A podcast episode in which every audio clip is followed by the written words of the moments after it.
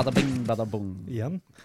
Ja. Jeg må jeg, jeg følte at jeg ikke har sagt det som eh, intro før, men eh, nå er det en ny episode. Ja. Så uh, til deg som lytter, velkommen tilbake. Uh, I dag skal vi ha en veldig behagelig episode. Nei, vi skal ikke det. Men uh, ja, nå kjente jeg at jeg følte meg veldig tullete i dag. Uh, plutselig. Helt ut av det blå. Eh, som vanlig, i hvert fall, så er det meg og Åge. Ja. Det Jeg regner med at du som lytter nå kjenner stemmene våre. Og så har vi med oss uh, Sunniva igjen. Hei. Ja. Hun er med over PC-en. Eh, sånn liten eh, oppfriskning på hvem Sunniva var. For det er jo noen episoder siden Sunniva var med. Jeg tror det. Hvem er du, Sunniva? Jeg er par. Eh, En studentrådsleder på nett. Og nestleder i Det nasjonale studentrådet, og studerer videomarkedsføring. Så jeg er nettstudent. Ja. Og så sitter du i Kvalitetsrådet. Ja, sant. Ja. Det også. Eh, og uh, Sunniva også nylig hun, hun, tar jo en, hun har jo en fagskolegrad som digital markedsfører. Mm. Så hun skal også hjelpe meg litt mer med Noroff Community. Mm, kult. Så får uh, Sunniva får en finger til der. Det blir Så spennende. Snart Det blir begge hendene i potten. Det blir Ja. veldig bra. Men kanskje det som gjør denne episoden her litt sånn ekstra spennende, da, hvis, spesielt hvis du som hører på nå, hørte på forrige episode, for da prata vi litt om eh, det kompetansebarometeret Barometeret til NHO. til NHO og eh, næringslivets skrik etter kompetanse. Så det vi har gjort i dag, er at vi har fått med oss den kompetansen inn i podkasten. Eh, så du, Kristoffer Det var Kristoffer, ikke sant? Ja, ikke. Ja. Kristoffer. Eh, du eh, skal nå få lov til å representere hele det skriket etter behov. Nei da. Men eh, du kan jo starte med å fortelle litt om deg selv. Eh, ja, Eh, som du sa, jeg heter Kristoffer. Eh, jeg begynte jo på Noraf fagskole for nettverk og IT-sikkerhet i 2016. Eh, hovedsakelig fordi at eh, jeg har aldri vært noe sånn spesielt skoleglad. Så når jeg fant ut at jeg kunne ta en toårig utdannelse og få jobb etterpå, så hørtes det helt supert ut. Eh, og mm, ble jo mer og mer engasjert i løpet av skoletiden min. eh, både med det som jeg syntes var urett og rett. Eh, veldig spennende tid. Eh, var bl.a. med i studentråd på den tid og ledet det. og arrangerte alt fra fest til eh, litt sånn kjipere møter med uh, hvorfor det ikke var mer Red Bull igjen ute i vendingmaskinene. Um, I senere tid, etter jeg gikk ut av Noroff, så har jeg jo hatt litt forskjellige jobber. Og sånn, og så har jeg endt opp nå, da, så jobber jeg for Soprasteria uh, på ingeniørnivå. Uh, med det som kalles eh, Digital Platform Ser Services. da. Som da er klienter og Windows og basically IT, hvis man skal koke det ned. Det, jeg, jeg hører igjen noen begreper som jeg kjenner igjen fra nettverk og IT-sikkerhet, når jeg har sett på emnebeskrivelsene. Men eh, sånn for å legge til, da, så Sunniva hun har jo en, eh, en grad i, i, som digital markedsfører og driver med videomarkedsføring i sosiale medier. Jeg har spill. Ja. Eh, så ingen av oss er så IT-heavy. det er bra du forklarer, for ellers hadde vi sittet her og, med sånn spørsmålstegn, tror jeg. Og det er sikkert noen som, som eh, hører på, som, som er nysgjerrig. Og hva skal jeg si? Jeg tror vel vi har en ganske god konsensus rundt bordet om at en av de sektorene som eh, eksploderer mest, og som er liksom Noroff som spesialitet, er jo IT. Ikke Ja. sant? Mm. Så hvordan, eh, hvordan føler du det var å gå fra liksom, student? Liksom, hva skjedde etterpå? Altså, du, du gikk to år på fagskole, og så hva? Eh, jeg husker jo at eh, når det nærma seg juni siste året på skolen, så var jeg veldig redd for å ikke få jobb. Den Mm. derre hva hvis-tanken. så jeg begynte å søke tidlig. Jeg registrerte CV-en min på Finn og x antall steder. La ut eh, LinkedIn-profilen min og sa jeg var gira på jobb. Mm. Eh, og ble kontaktet ganske fort, eh, snakker om typ en uke etterpå, av rekrutterere som eh, var interessert i å ha meg inn på intervju og alt sammen. Og så dette var jo helt min første jobb etter utdannelse. Jeg har jo hatt jobb før, men Mm. Uh, det har aldri gått så fort. Mm. Uh, før uteksamineringen min så skulle jeg begynne å jobbe hos uh, en stor norsk aktør i Norgesgruppen på førstelinje. Uh, var kjempegira på det og følte liksom at det var nesten litt for lett. Jeg husker at det var vanskelig å luke ut det som var jeg vil ikke si tulletilbud, men tilbud som ikke tilførte meg noe i forhold til hva jeg ville oppnå med karrieren min. da. Altså kanskje relevant jobb òg, da. Ja, Uh, typ Uh, IT er et ganske stort begrep, mm -hmm. uh, og noe man kommer til å lære mye av, er at selv de største aktørene i Norge er ikke alle veldig godt kjent med hva IT-folk gjør. Mm. det er ekstremt vanskelig å få riktig kompetanse på riktig sted, men det er også veldig vanskelig å få riktig kompetanse på det lavere nivået, da, kan du si. Mm. Um, jeg trenger ikke å nevne hvor jeg var, men jeg var på et intervju i eh, Barcode hvor jeg var kjempegira og hadde tatt på fineste skjorta og skulle på intervju. Og det de ville ha meg til, var en sommerjobb hvor jeg oppdaterte 150 Windows-maskiner. og da, det var jeg ikke så gira på. Um, I tillegg så opplevde jeg jo det som sikkert veldig mange opplever etter studietiden, er at du blir veldig fort ansatt som vikar, eller som uh, type gjennom et rekrutteringsbyrå, som uh, Manpower eller Centric IT eller People for You. Alle disse her er jo store aktører som har mye store kunder. Uh, og det er fint, det, men uh, du vil jo gjerne ha fast jobb, da. Og det var største vanskeligheten for meg, i hvert fall, da, etter å ha gått ut og kunne komme meg til det punktet hvor jeg kan si jeg skal ha fast jobb hvis jeg skal ta jobb her. Uh, fordi sånn som jeg har opplevd jobbmarkedet, er at uh, du begynner i en første, førstelinjestilling, og så skal du jobbe der i to år. For da sier lovverket at uh, du kan ikke uh, ha noen på innleid basis da, i jeg tror det er ett år, 11 måneder og 30 dager eller noe sånt. Og dersom du skal erstatte den personen, så må du ansette dem fast, eller så må du kutte stillingen. Mm. Som vil si at da må du holde ut ganske lenge da, mm. for fast stilling og få, begynne å få liksom, de godene det har med seg. Mm. Eh, det høres skikkelig kjedelig ut, men forsikringer og sånt via arbeidsgiver, ikke bare via vikarbyrået ditt, er ganske mye sånn mm. småtterier da, som bygger opp. Dette endrer seg jo litt nå, eh, med nye lovverket rundt midlertidighet. Mm. Mm. Det har vært følt uh, spennende med på det, men mm. det har vært en grei ting å få med seg, for det var noe jeg ikke var forberedt på. Jeg var kjempeglad for å få jobb uansett hvor jeg gikk. Ja. Uh, jeg husker jo at jeg, jeg var veldig kresen, uh, fordi jeg hadde jo lært så mye på fagskolenivå. Og så hadde jeg begynt å jobbe, og så fikk jeg ikke gjøre noe av det jeg har lært. Mm. Fordi jeg begynner i en jobb hvor jeg skal gjøre, ta telefoner, og mm. det jeg skal lære, lærer jeg på jobben uansett. Men jeg måtte allikevel ha IT-grad for å få lov til å begynne der. Mm. Uh, det husker jeg irriterte meg. Mm.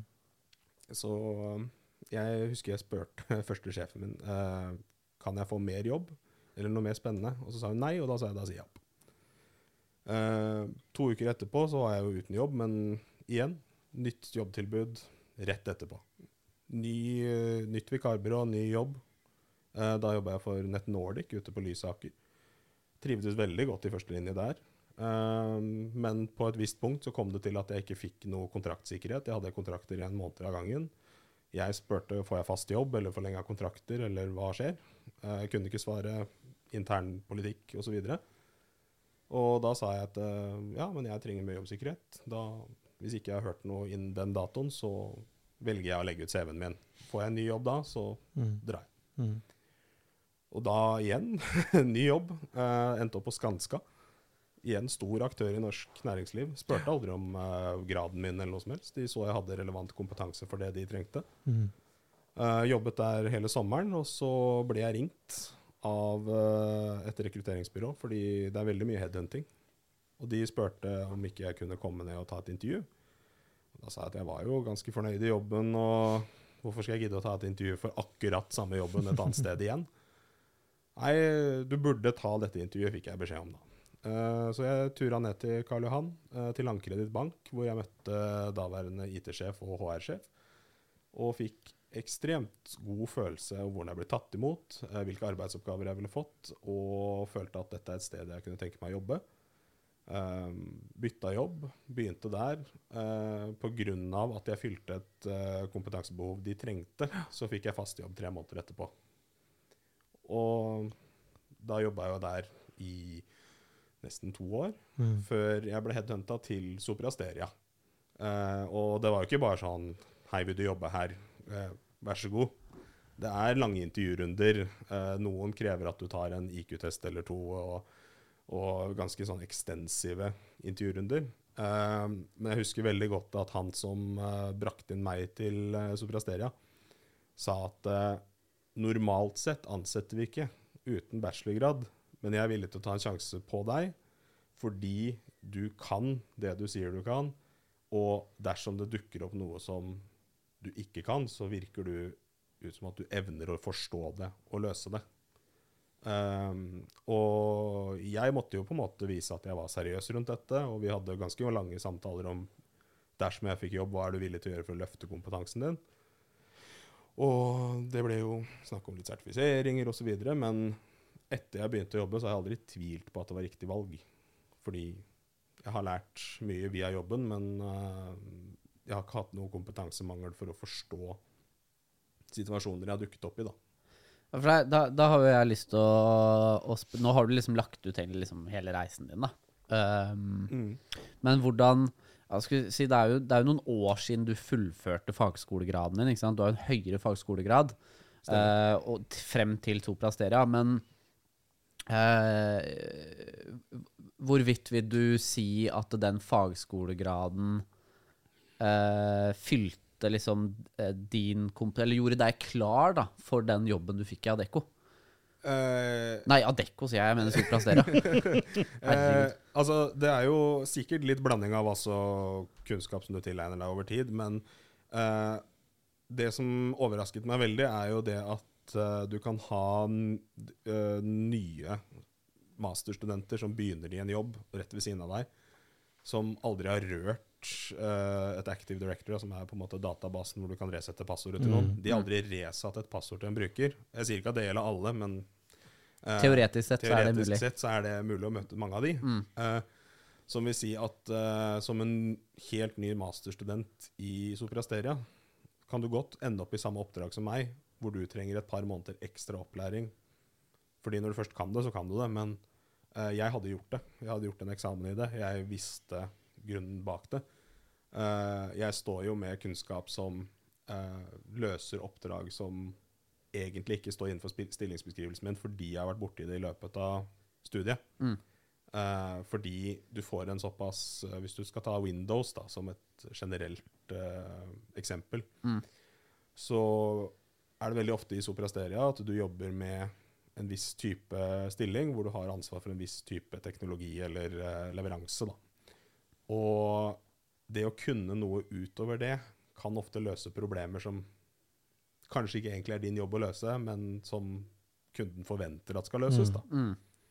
Uh, og det har jeg jo opplevd flere ganger, at uh, fordi jeg har sånn tenkte ja, ok, kanskje det er noe med det. Kanskje vi kan gå tilbake og se på om det er en mulighet. Hvem i denne bedriften snakker jeg med for, om jeg har lyst til å utforske noe med firewall, eller noe som jeg ikke egentlig har noe med å gjøre, men som jeg ser at kanskje er problemet i den saken vi sitter med. da. Jeg er ganske sikker på at Soprasteria blir veldig fornøyd om du gjør kunden din fornøyd. Ja, det er eh, både det og hvis jeg fakturerer timer, da. Men, ja, ja, selvfølgelig.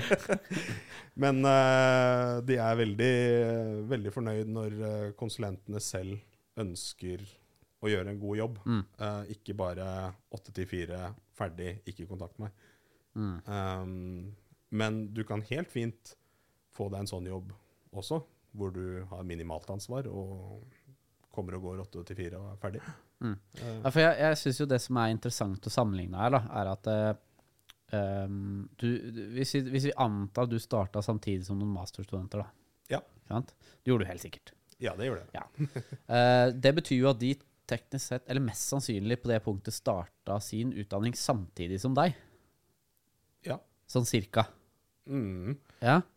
Men du har jo jobba Du tok jo fagskolegraden din, og så har du jobba jobbe, Ja, det har vært mye jobbusikkerhet, men du har jo også fått mye erfaring med arbeidslivet. Du har liksom oppbeina deg en del ekstra kompetanse, jeg er ganske sikker på, gjennom de, de tilleggserfaringene, sammenligna med å komme rett ut av skolen, Du lærer veldig fort hvordan et firma funker. for eksempel. Fordi når du går på skolen, så sier de at uh, i en verden hvor alt er fint og flott, så setter du opp det, og så funker det. Mm. Prøv nå. Ja, OK, det funka. Men så kommer du ut i arbeidslivet, og der har du et eller annet mikmak som en eller annen for 20 år siden har satt opp, som er dødsviktig at fortsatt funker. Mm. Og da funker ikke den løsninga som, som liksom du har lært på skolen. Ja. Eh, og selvfølgelig som eh, student så blir du jo veldig stressa Eller ikke student, da, men nyutdanna. eh, så blir du veldig stressa eh, i den situasjonen. Men du har også lært noe når du løser den situasjonen med gode kolleger da, som jeg har vært veldig heldig å ha. Mm. Men det er alltid en som har vært der lenger enn deg, som kan lære deg opp. Og hvis du kommer inn med inntrykk Eller hvis du kommer inn med den attituden at 'jeg kan alt bedre enn alle her', så har du en kjip dag på jobben. Eh, men uh, igjen, Soprasteria er uh, Vi har jo et uh, sånn saying hvor det er liksom 'sharing is power, power, power', eller noe sånt. Okay. At, eller power of sharing, hvor hele strukturen er jo basert på det at vi skal kunne dele kunnskap på et kryss og tvers av uh, faggrupper og ansatte. Som at uh, skulle f.eks. jeg bli dårlig i morgen, og det er ingen andre som er på jobb til å plukke opp det jeg gjorde, så skal noen med lignende kompetanse i Soprasteria bare settes inn, gjøre seg kjent med oppdrag og kunden og være fungerende som på samme nivå. da. Så vi har jo møtt på en del sånn Ja, men hvorfor har du ikke tenkt på det?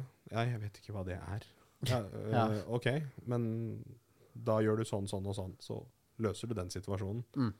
Uh, og så møter jeg jo en del folk som jobber førstelinje, som Mm. ikke har IT-utdanning i det hele tatt.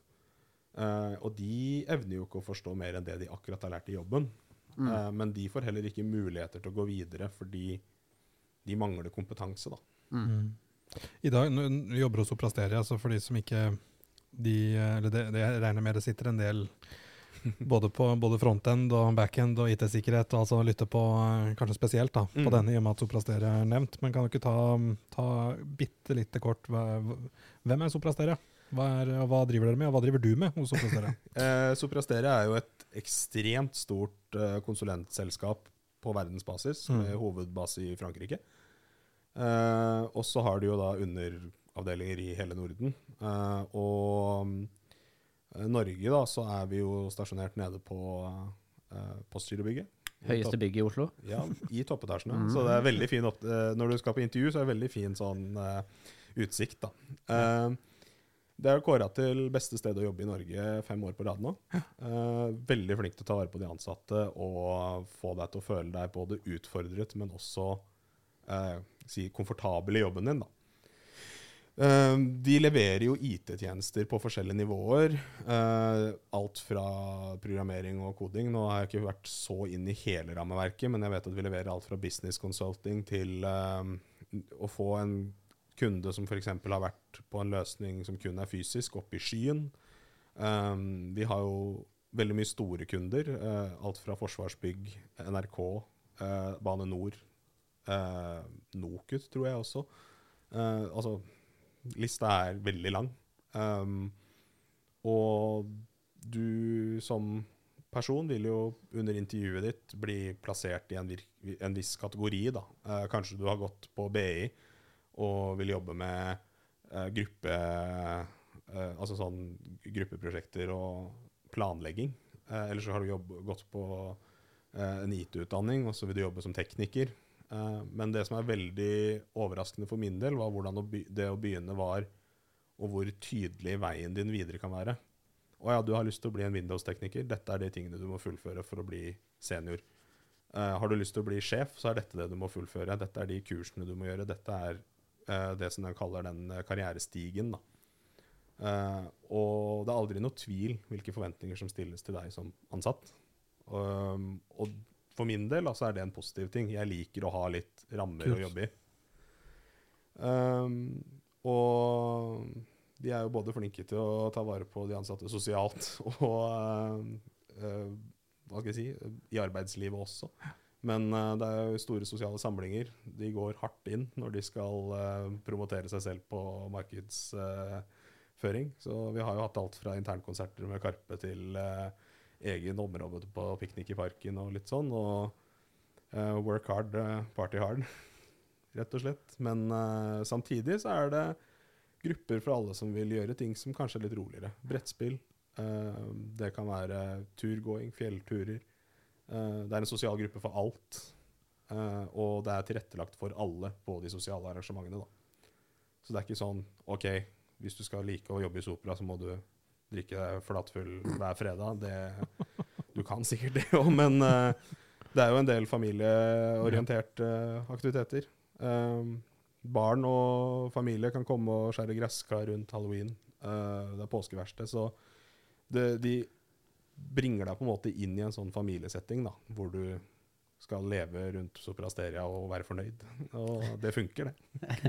Du, i, i, eller, du er sikkert satt på flere prosjekter, da, men akkurat nå så jobber du med Jeg er eh, det som eh, kalles en engineer. mm. Um, og det er jo på, som jeg nevnte tidligere, DPS, altså Digital Platform Services.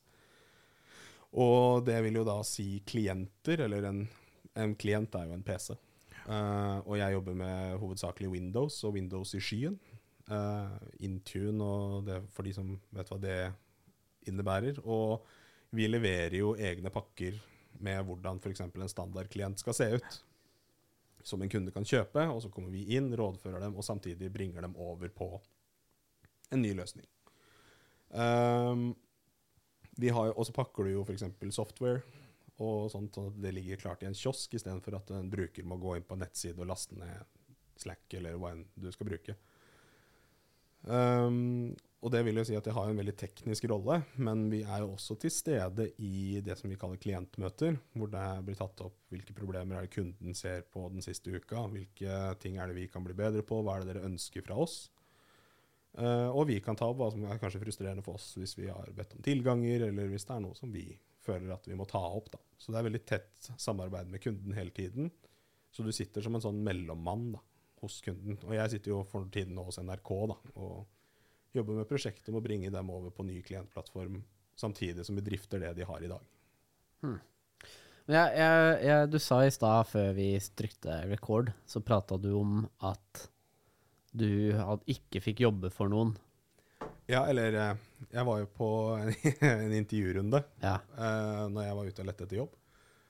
Og da var det en uh, rekrutterer som ønsket at jeg skulle prøve meg på Experis eh, Academy med Java-kursing.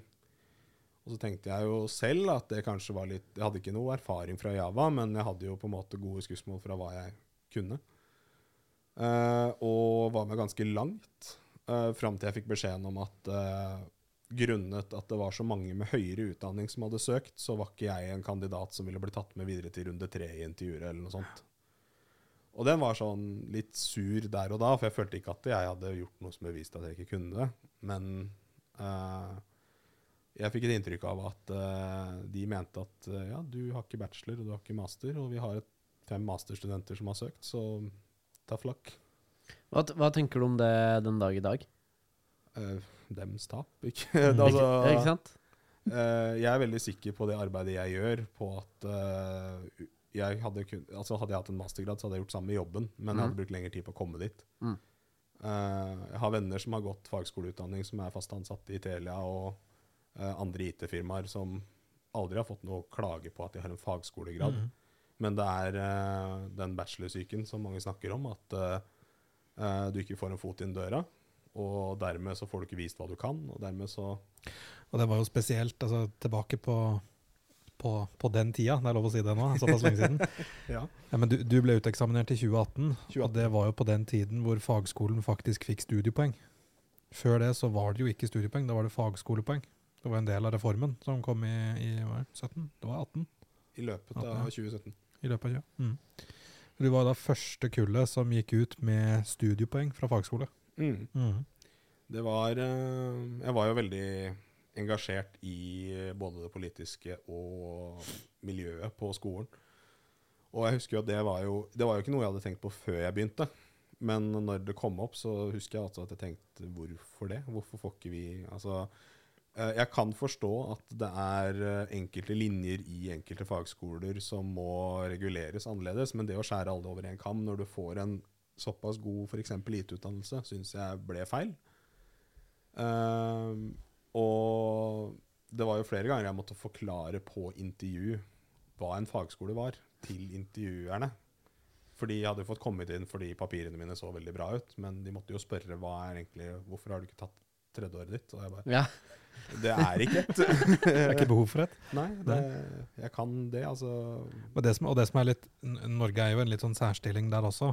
Em, det er jo no, noe som heter NKR, vi snakka også om det litt før vi trykka på Mm. record, men Nasjonalt kvalifikasjonsrammeverk, som, som setter um, eh, på en skala, eller ikke skala heller, en nivåinndeling da, av kvalifikasjoner fra doktorgrad og hele veien ned til, til bunn av grunnskole, eh, hvor fagskole ligger på NKR nivå 5, men i utgangspunktet, ikke i utgangspunktet, hvor man ikke får lov til å levere på NKR-nivåer høyere enn det.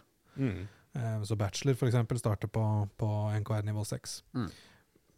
Men flere steder internasjonalt så leverer fagskolene på nivå 6. Og det er faktisk sånn at våre samarbeidspartnere i utlandet vurderer den kompetansen som våre studenter går ut med, f.eks. på nettverk og IT-sikkerhet, som du gikk, som tilsvarende nivå 6. Det er derfor man kan ta, en, ta et tredjeåret sitt. altså De som ønsker, kan reise utenlands og, og legge på et tredjeår. Og da får du en, en såkalt to pluss én, hvor de akkrediterer de to årene du har gått her, som tilsvarende de to årene man har gått der. Men det er altså bare i Norge hvor det er en eh, eh, Eller hvor, hvor, hvor dette skillet er så hardt, da, og sånn som det er. Jeg har jo en kjæreste som går lektorutdanning, Ja. eh, og skal snart gå på masteroppgaven sin. Og har, hun også har jo til og med problemer med å forstå hvorfor det er litt sånn som det er, når jeg prøver å forklare henne hvordan min skolegang har vært, da, Mm. i forhold til henne som Praktisk er utdannelse, ekstremt ja. akademisk. Mm. Uh, og da er det som jeg sier til henne, at jeg kunne tatt tredjeåret mitt og tatt en bachelor, ikke fått tilføyd noe kunnskap som jeg har trengt i arbeidslivet.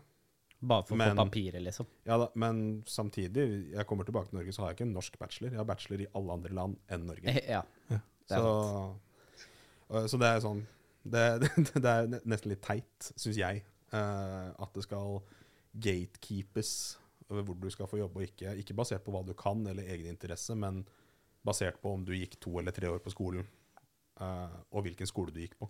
Heldigvis er dette i ferd med å åpne seg. da. Det, det er jo det er litt annerledes nå enn det var igjen tilbake på den tiden.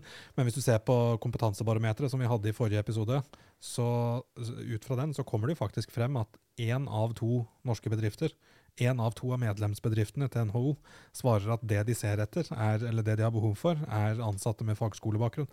Én av to.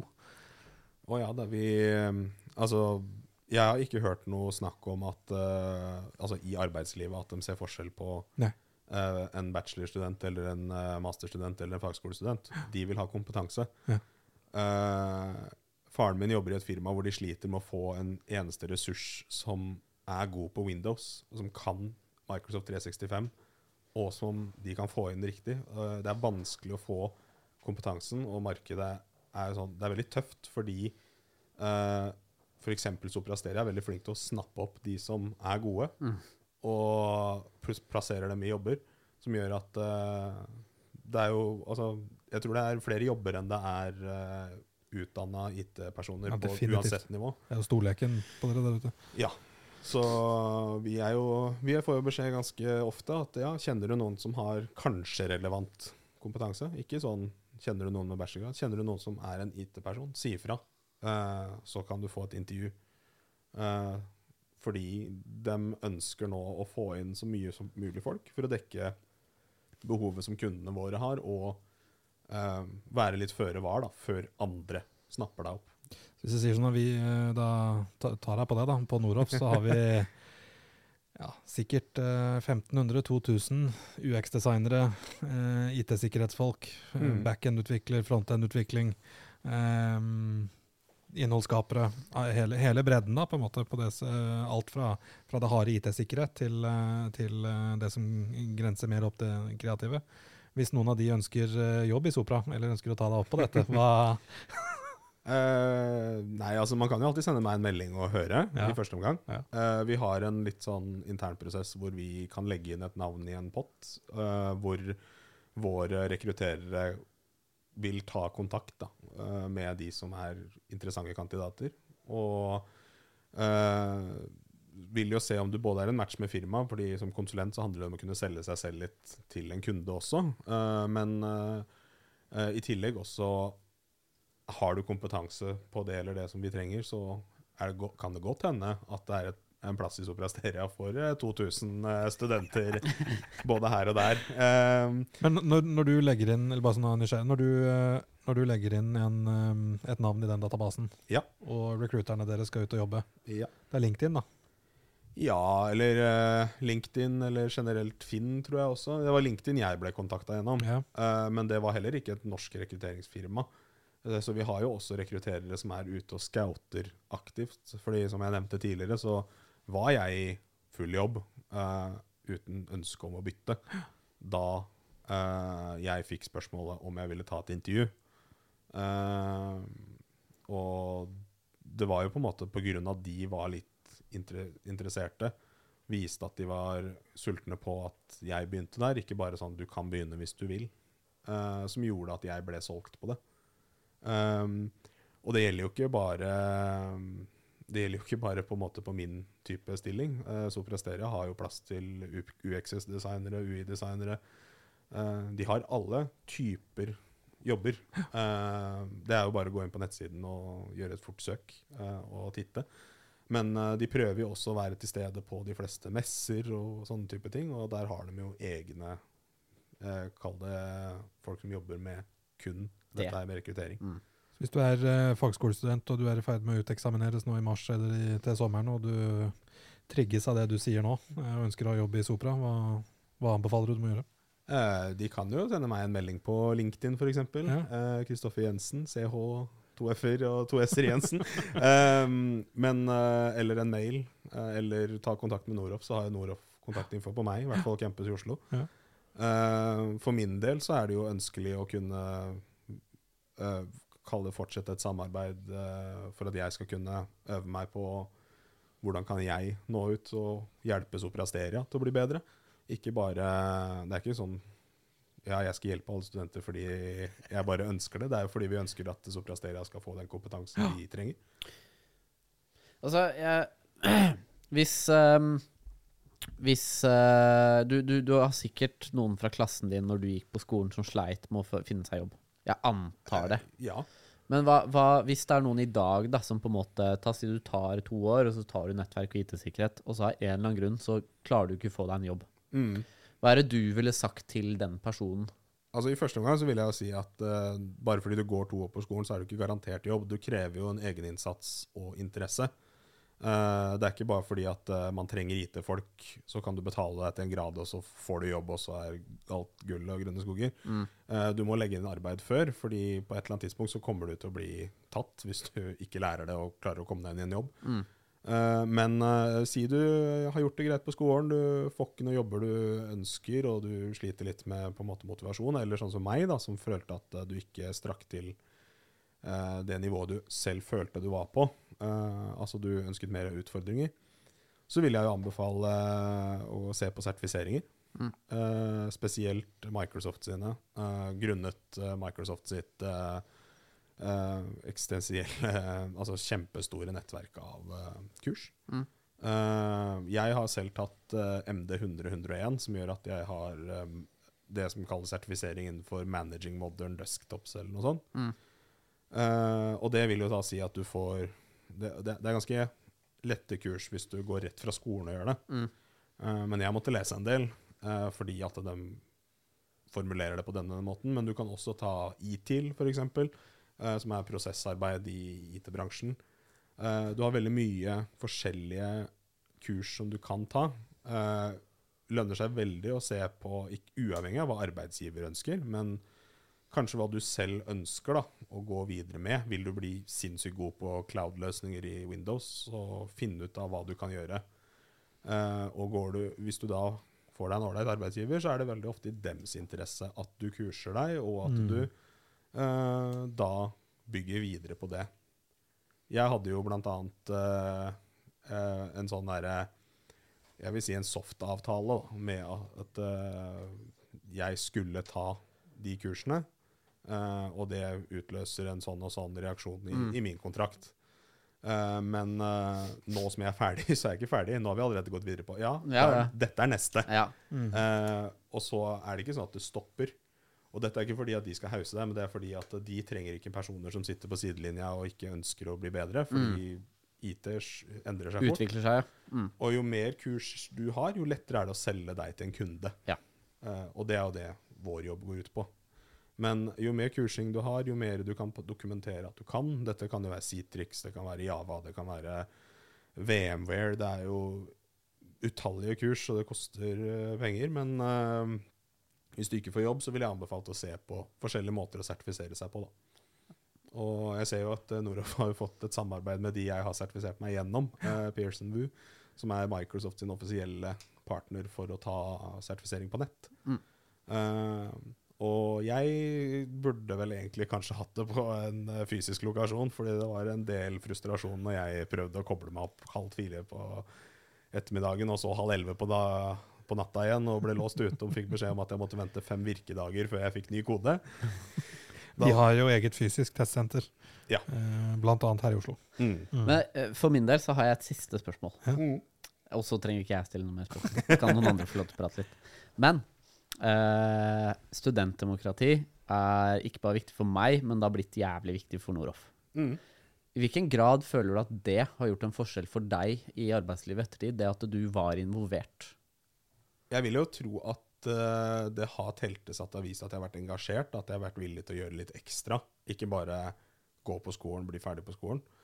Uh, men jeg, det som over, jeg gjorde jo ikke det med baktanke om at det skulle hjelpe meg i arbeidslivet. Jeg gjorde Mhm. det fordi at jeg så problemer under min studietid som jeg ønsket å rette opp i. Og uh, den letteste måten var å engasjere seg. Mm. Eh, det er jo, jeg, jeg var jo med på alt fra studentmesser til uh, sånn type eh, skolebesøk. Uh, og jeg- jeg vil jo si at jeg aldri pynta på sannheten når jeg snakka med folk. Jeg fortalte dem hva jeg mente. Og det er jo flere som er sånn Ja, kan jeg betale det, og så får jeg jobb der, og så får jeg en million i lønn? Så er det nei. Men hvis du gjør det bra, så kan du det. Og jeg vil jo tro at mye av den uh, tidlige erfaringa jeg fikk da med å sitte i styremøter, og mye som jeg aldri ville vært eksponert for ellers, har jo hjulpet meg i andre situasjoner senere, både i arbeidsliv og privat. Mm. Uh, og det er jo ikke negativt heller. Uh, studentdemokratiet er ekstremt viktig når du går på en skole, fordi uh, selv om det er tull, så var det ganske mye ramaskrik om at det ikke var Red Bull i automater, eller at eh, ting ikke fungerte som det skulle når de skulle kjøpe seg en nudelkopp og sånne ting. Og det var sånn Ja, det var små problemer, men det ble ganske store problemer til slutt. Men vi hadde også større saker hvor vi ønsket å Hva skal jeg si, ja? Vi ønsket å ha eh, bedre samarbeid. Vi ønsket at det skulle være sosiale samlinger. Eh, vi ønsket at den avsluttende festen før sommeren skulle være en hit. Så uten engasjementet til folk som var gira på å få det til å funke, så hadde det vært et ganske grått og trist eh, skoleår, i hvert fall fra min side. Mm. På Red Bull. Jeg bare har et bilde her nå. Du kjenner det sikkert igjen. Eh, et bilde fra man, Jeg tror kanskje det var førsteåret ditt når du var her, men hvor du står med Å nei, det der var andre året når vi Andre hadde året, innleda samarbeid med Red Bull, at det var bare å komme og hente så lenge vi sa ifra først. Ikke sant? Så da har du en, to, tre, fire, fem, seks, sju, åtte kasser med Red Bull. Og det var inn i forbindelse med et eller annet arrangement dere hadde. Ja, jeg tror vi hadde det Det var Startup Day. Ja, jeg tror det. Uh, hvor vi fikk inn en del uh, For jeg var jo et internship. For du var et internship òg, du. Når, eh, I siste året ditt som student. Det var jeg. Ja, Jeg var det siste året, ja. ja jeg tror det var siste året. Jeg tror jeg begynte første året, Ja. og så fortsatte det andre. Ja. Men eh, jeg jobba jo i en sånn akselerator, som det heter. Katapult. De holder jo fortsatt på. Men jeg var med første året deres, eh, med ganske heavy eh, hitters innenfor norsk næringsliv. Og fikk møte mye spennende folk og se mye tech-ideer og vært mye i startup-miljøet, da, kan man si. Veldig spennende. Og var en periode jeg trodde var det miljøet jeg kom til å ende opp i. Men det skjedde ikke. Men eh, det var veldig mye verdifull eh, input derfra òg. Men det var jo ikke noe IT-relatert, det. Det var jo bare noe jeg fikk ved siden av av Det var vel et arrangement her på Nordhoff, tror jeg. Første Demystifying AI. ja, vi hadde et arrangement som het Demystifying Ja. Deep, Learning and Artificial Intelligence. Ja, stemmer. Stemmer. Med folk fra hele verden som deltok på en to-tredagerskonferanse. Stemmer. Og så var det avslutning på Tech-challengen til han uh, Richard Branson nede Ja. på Salt. Og der kom jeg i prat med noen som spurte meg om jeg ville ha internship. Som tilfeldigvis så har jo broren min, som går i entreprenørskap, endt opp i internship via nesten samme folka, da, eller Ja, så bra. konkurrentene. Ja. Så det er gøy å se. Det er gøy. Jeg tror uh, Sunniva har noe hun lurer på. Mm. Jeg eh, vi er jo veldig mange nettstudenter, og veldig mange nettstudenter er jo på IT. Har du noe inntrykk av om nettstudenter er like velkommen i Soprasteria eller i arbeidslivet generelt? Ja, altså, jeg vil ikke tro at de uh, er noe forskjellig fra klasseromsstudenter, så lenge de igjen har gjort jobben sin. Uh, altså, du leverer oppgavene dine, og det er jo ikke, det er jo ikke om du er nettstudent, bachelorstudent eller fagskolestudent hvis et arbeidsliv ikke vil ha deg fordi du ikke møtte opp på skolen eller ikke har ståkarakter på eksamene dine, på en måte. Det er jo en annen sak. Men uh, hvis du uh, er nettstudent og faktisk gjør det arbeidet som kreves av en nettstudent. For jeg husker jo selv at uh, når jeg så på det, så var jo det mye mer selvdisiplin enn det en uh, klasseromsstudent trenger. Så vil jeg si at det mer er nesten mer viktig kompetanse der også, fordi du klarer å jobbe mye mer selvstendig når du må sette deg ned, og spesielt i dagens hjemmekontorsamfunn, da, hvor du faktisk ikke blir borte når du sitter hjemme. Du er tilgjengelig, du må klare å sette deg ned og jobbe selv om du har distraksjoner tilgjengelig når du er eh, borte fra selve kontorplassen din. Da. Mm. For det, det, Det er godt å vite. Ja, det, og det tenker jeg er veldig viktig poeng å få frem òg. for det veit jeg liksom er en sånn det, det, det er ikke bare vi som har diskutert det, men jeg mener husker jeg leste en artikkel i Krono for ikke så lenge siden, hvor uh, hun som er leder av NHO Nei, NHO eh, eh, stu, stu. Studentorganisasjon. SIO? Nei. Nei. Uh, ONF sin sitt NSO. søster- NSO. Ja. NSO. At hun som var leder av NSO, hadde gått ut og sagt at uh, nettstudier, nettstudier ikke var en, en, en verdig erstatter for fysisk utdanning. Oi. Og det, det ble en helt annen diskusjon igjen, for så vidt. Men eh, jeg vil bare jeg, jeg vil bare understreke, for jeg er jo nettstudent selv. Mm. Og um, min erfaring er jo at den kompetansen eh, jeg har fått gjennom selvstendig arbeid på nett, er liksom uvurderlig for min egen del.